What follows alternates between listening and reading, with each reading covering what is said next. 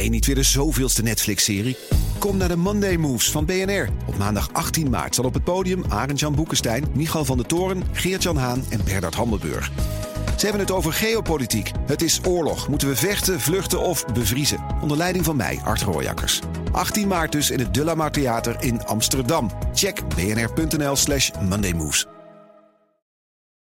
Den Haag.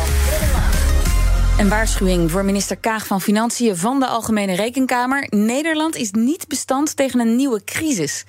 Tien van de twaalf ministeries hebben hun financiën namelijk niet op orde. Minister Kaag bood vandaag haar financiële jaarverslag aan in de Tweede Kamer. met de suggestie van verzachtende omstandigheden. De pandemie was nog niet ten einde of Rusland begon een illegale oorlog tegen Oekraïne. En ik zou het financieel jaarverslag van het Rijk over 2022 in dat licht met u willen bezien. In Studio Den Haag staan VVD-Kamerlid Ilko Heijnen en politiek verslaggever Sophie van Leeuwen. Goedemiddag. Dag Liesbeth de Kees. Is het een uh, goed excuus, Sophie? Dus nasleep van de pandemie, de oorlog in Oekraïne, zoals we Kaag net hoorden zeggen? Nou, het was natuurlijk wel een historisch jaartje. Hè? En het gaat ook slechter met die, dat financieel beheer sinds de coronacrisis. Weet je nog, alle bonnetjes en mhm. de mondkapjes. Zeker op het ministerie van Volksgezondheid. Daar is nog steeds voor ruim 5 miljard euro niet duidelijk of het op de goede manier is uitgegeven. En dan hebben we ook nog eens die miljarden die zijn uitgetrokken. Ondemocratisch eigenlijk. Denk aan het prijsplafond op het allerlaatste moment. Door de oorlog, door de energierekening zonder toestemming vooraf van de Tweede Kamer. Ja, dat is enigszins begrijpelijk. Maar er zijn ook wel vraagtekens bij. Want het is niet de eerste keer dat dit gebeurt. Nee, het is 5 miljard. Dat is ook echt niet niks. Maar in het rapport staat ook: ja, in coronatijd zijn in recordtempo voorschotten uitgedeeld. Ook om de werkgelegenheid veilig te stellen, bedrijven overeind te houden.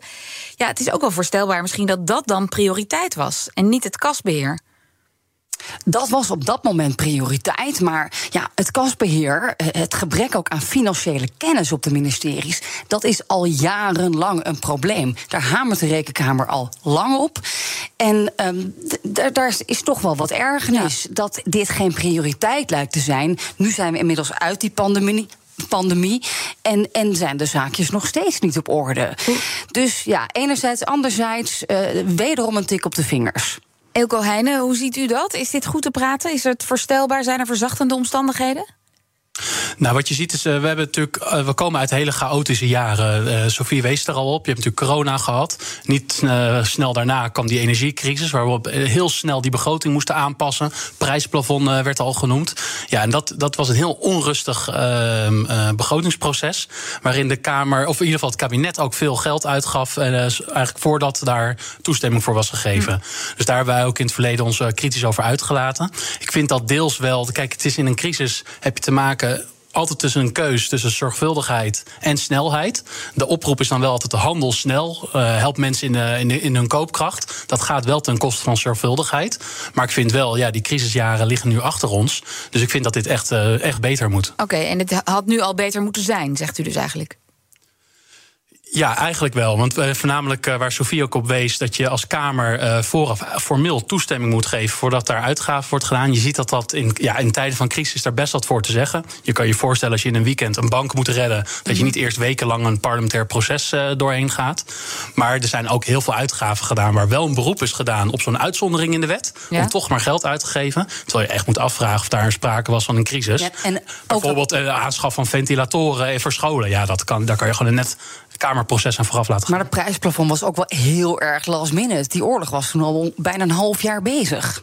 Ja, en de koopkracht ontwikkelde zich wel elke maand steeds slechter. Dus het was in het begin, kijk, die oorlog kwam, de energieprijzen stegen daarvoor al. Dus we hadden al het jaar daarvoor opgeroepen van kom met compensatie. Maar die crisis gooide daar nog eigenlijk een schepje bovenop. Toen zag je de koopkracht sneller verslechteren. En toen moesten we ook weer plannen aan, uh, aanpassen. En Sophie, jullie spraken net uh, minister Kuipers van Volksgezondheid. Ja, die kreeg het het hardst ervan langs van de rekenkamer. Zeker. En Kuipers die zegt: het is geen puinhoop op mijn ministerie van Volksgezondheid. Maar hij erkent wel dat dit toch echt een dikke onvoldoende is. 5 miljard euro, niet duidelijk of eh, goed besteed. Zit hem vooral in inkoop en ook bij de GGD's nog, de testlocaties uit de coronacrisis. Mhm. Voorschotten, wat is er precies met dat geld gebeurd? En collega Leender Beekman die sprak Ernst Kuipers daarover. Meneer Kuipers, is het een puinhoop financieel gezien bij uw VWS? Nee, puinhoop is het niet. Uh, het is wel een, uh, een onvoldoende als een rapportcijfer. Uh, dat wil zeggen dat de, niet per se wil zeggen dat gelden die besteed zijn... niet uitgegeven zijn of onjuist uitgegeven zijn. Maar waar de rekenkamer naar kijkt is kun je het ook volledig verantwoorden. Kun je ook, en, en heb je het ook gewoon volledig... Doelmatig besteed? Ja, is het doelmatig besteed en is het, kan het ook verantwoord worden? En uh, ja, dan moeten wij constateren dat voor een deel uh, dat onvoldoende lukt, ondanks alle energie die erop gestoken is. Uh, en zonder me daarachter te willen verschuilen, maar een van de redenen, alleen als uitleg, een van de redenen waardoor dat komt, is dat het voor een belangrijk deel ook te maken heeft met de uitgaven die er gedaan zijn en de verplichtingen die aangegaan zijn in 2020 en 2021 met betrekking tot het coronabeleid en wat in 2022 nog steeds steeds uh, doorliep. Zegt Kuipers, maar we horen ook wel echt een gebrek aan financiële koppen op dat ministerie. Dat is al een tijd een probleem. Geen goede penningmeesters. Geen goede mensen, die moeten ze aantrekken. Dat lukt maar niet. Dus uh, hij belooft ook beterschap. Maar of dat dan ook gaat lukken, dat vraag ik me wel een beetje af. Maar Sophie, we hebben toch het ministerie van Financiën. Uh, moet het gewoon niet centraal geregeld worden... in plaats van decentraal per ministerie? Dat zij altijd even bellen met Financiën. Kan dit? Is dit verstandig? Kunnen we door? Dat is ook de kritiek. Financiën moet andere ministeries helpen. Het kan dus inderdaad de, de situatie breed verbeteren. Maar daar slagen zij ook niet in. Die hebben ook niet genoeg handjes en, eh, en financieel controllers voor alle ministeries in Den Haag.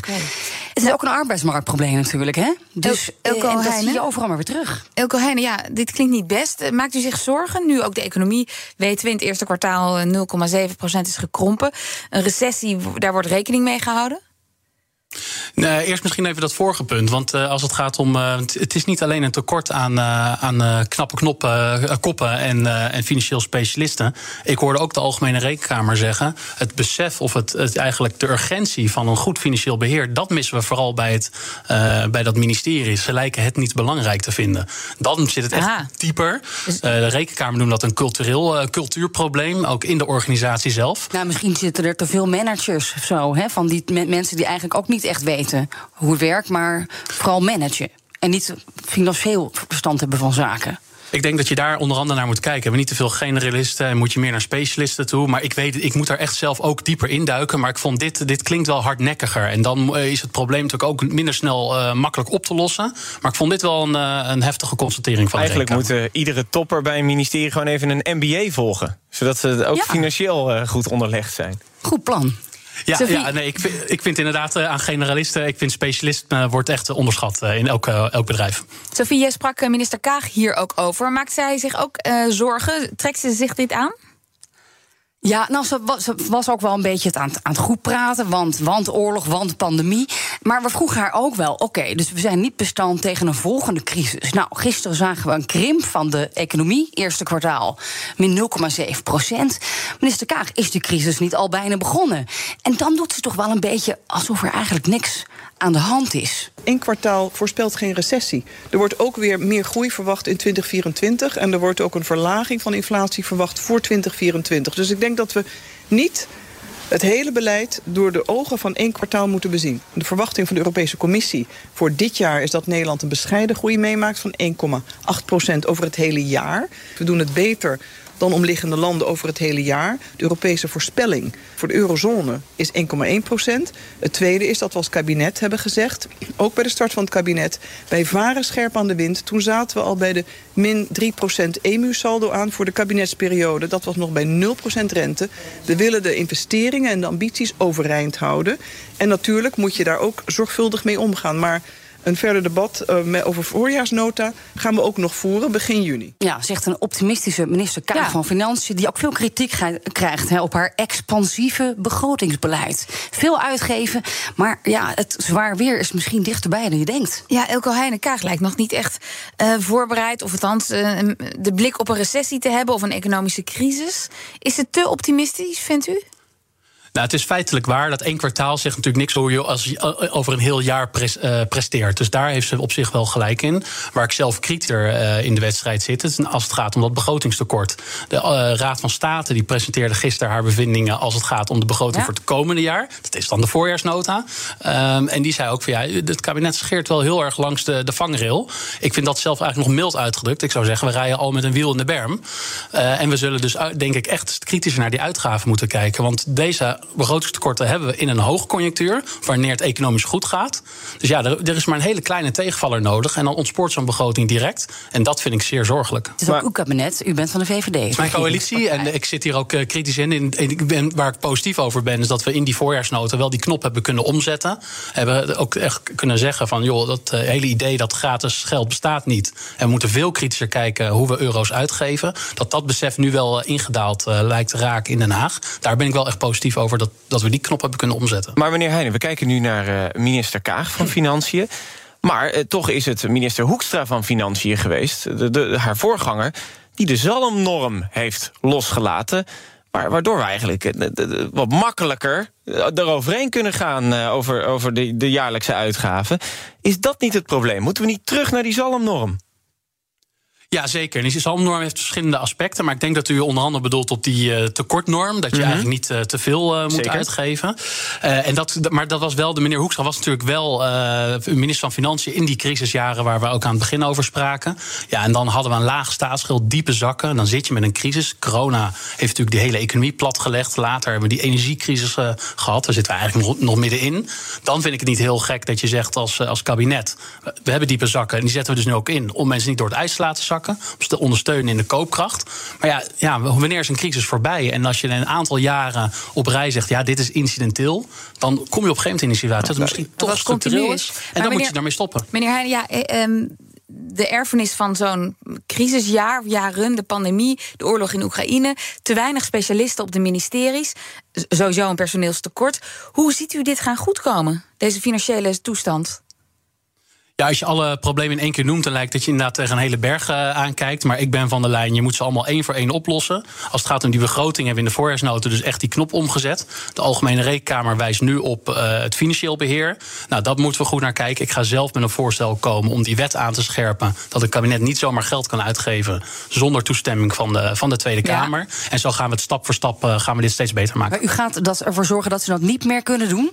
Ja, er zit nu een, een, uitzondering in de wet dat ze zeggen in die noodsituaties kunnen wij daar uh, gebruik van maken. Dat idee was natuurlijk, ik noem het al, als zo'n bank bijvoorbeeld dreigt om te vallen, is dat verstandig. Uh, maar je ziet dat het nu zoveel gebruikt wordt dat we ook echt moeten kijken, moet dit artikel, die uitzondering in die wet, moeten we die niet gaan aanscherpen? En daar uh, zal ik voorstellen voor gaan doen. VVD-Kamerlid Ilko Heijnen en politiek verslaggever Sophie van Leeuwen in Den Haag, dank jullie wel. Je hebt aardig wat vermogen opgebouwd. En daar zit je dan, met je ton op de bank. Wel een beetje saai, hè? Wil jij, als belegger, onderdeel zijn van het verleden of van de toekomst? Bridgefund is een slimme fintech die een brug slaat tussen de financiële behoeften van ondernemers en van beleggers. Dus wie belegt bij Bridgefund krijgt niet alleen een mooie vaste rente, maar brengt ook ondernemers in beweging. Echt waar, met die ton kan je zoveel betere dingen doen. Bridgefund. Make money smile.